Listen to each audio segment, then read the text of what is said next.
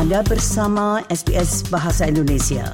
Dapatkan lebih banyak lagi cerita bagus di sbs.com.au garis miring Indonesia.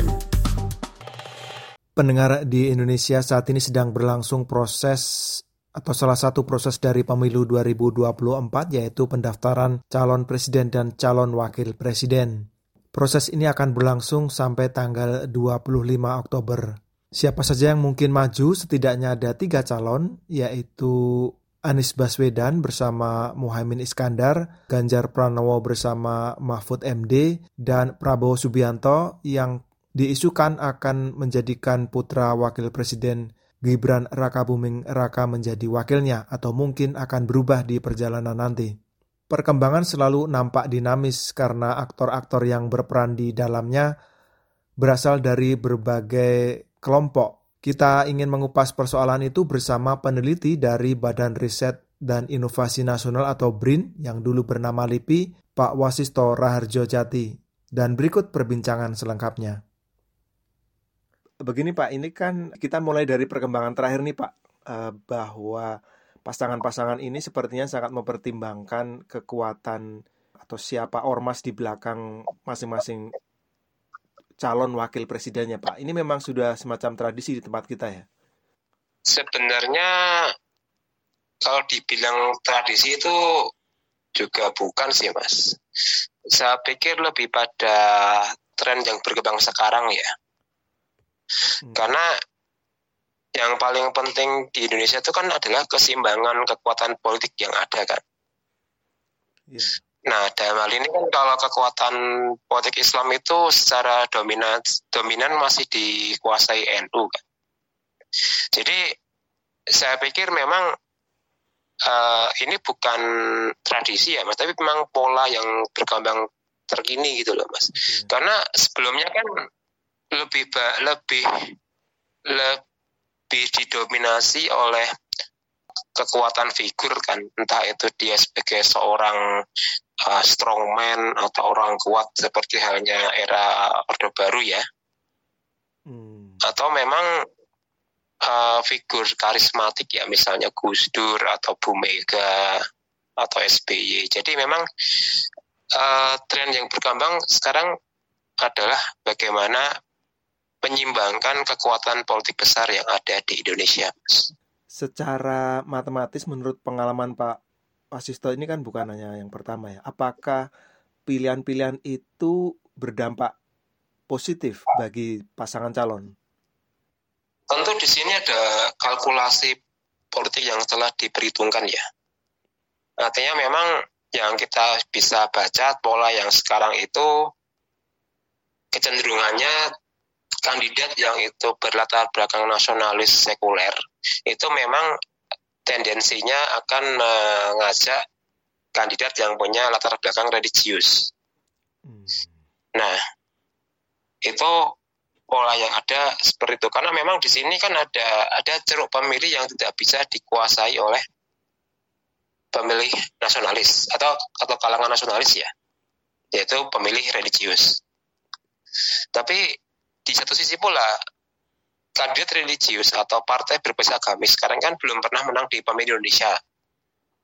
Jadi komposisi pasangan atau mungkin pola nasionalis bergandeng dengan agamis itu adalah semacam jalan tengah, Mas Nuradi ya.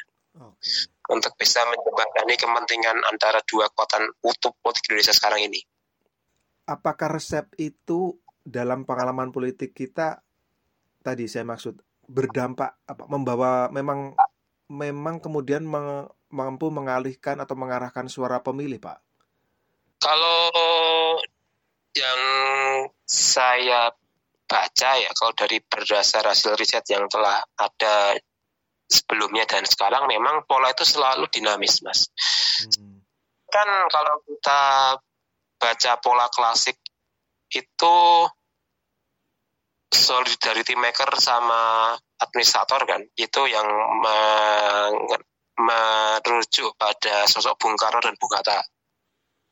Artinya di sini Bung Karno itu adalah seorang solidarity maker, Bung, Bung Hatta adalah seorang administrator kan. Iya. Kalau demikian. Dan itu kan berkembang, uh, berubah kan. Misalnya uh, di tahun atau mungkin menjelang tahun 98 99 itu trennya Jawa luar Jawa kan. Pak Harto dengan Pak Habibie misalnya. Terus kemudian itu masih berlanjut terus kemudian masih berlanjut dengan masih berlanjut di era SBY ya. Jawa luar Jawa kan SBY JK JK kan dari Maksar. Tapi tren itu berubah lagi ketika di era SBY kedua kan memilih Budiono yang seorang teknokrat jadi komposisinya politisi teknokrat tapi yang itu kembali lagi ke era SBY eh SBY sorry Jokowi JK Jawa luar Jawa lagi dan kemudian nah kemudian berubah menjadi nasionalis nasionalis agamis seperti yang kita lihat di uh, Jokowi Ma'ruf Amin ini ya. Jadi pola itu selalu berkembang dan tidak ada pakemnya Mas hmm. Nuradi ya. Okay, okay karena memang menyesuaikan kondisi situasi yang ada di saat itu gitu loh mas. Pak. Lebih lagi kan masalah identitas ini kan sebagai semacam ideologi ya dalam tanda kutip ya bagi pemilih gitu loh mas. Sehingga pola ini yang kemudian dipakai untuk menominasikan figur tertentu. Pak, kalau kemudian kita meskipun tadi polanya cenderung random ya, kalau kita memperkirakan kemudian Prabowo akan dalam 2-3 hari ke depan akan pilihannya jatuh ke siapa Pak kira-kira? Nah ini ini yang unik lagi kalau kita bisa elaborasi ya Mas. Prabowo kan maju pilpres bukan kali ini aja kan. Maksudnya dari tahun 2009 ketika dulu dengan Mega ya, kemudian 2014 dengan Hatta Rajasa, 2019 dengan Sandiaga Uno. Kalau kita lihat komposisinya, Bu Mega itu soal Bu Mega juga sama-sama nasionalis, Hatta Rajasa itu dari Palembang itu Jawa luar Jawa, Sandiaga Uno itu sama Jawa luar Jawa juga. Ya artinya memang pola nominasi cawapres bagi Pak Prabowo juga random mas sebenarnya. Hmm. Tidak tidak apa ya kadang tidak mengikuti pola yang ada sekarang gitu loh mas. Dan kemungkinan pilihannya sekarang ini juga agak sulit ditebak ya masih beberapa waktu hari ini. Iya kan sampai tanggal 25 kan. Artinya masih panjang ya untuk bisa kocok ulang ya cawapres yang ideal seperti apa. Karena posisi cawapres ini kan satu dia sebagai pelengkap suara yang hilang dari capres yang ada kan.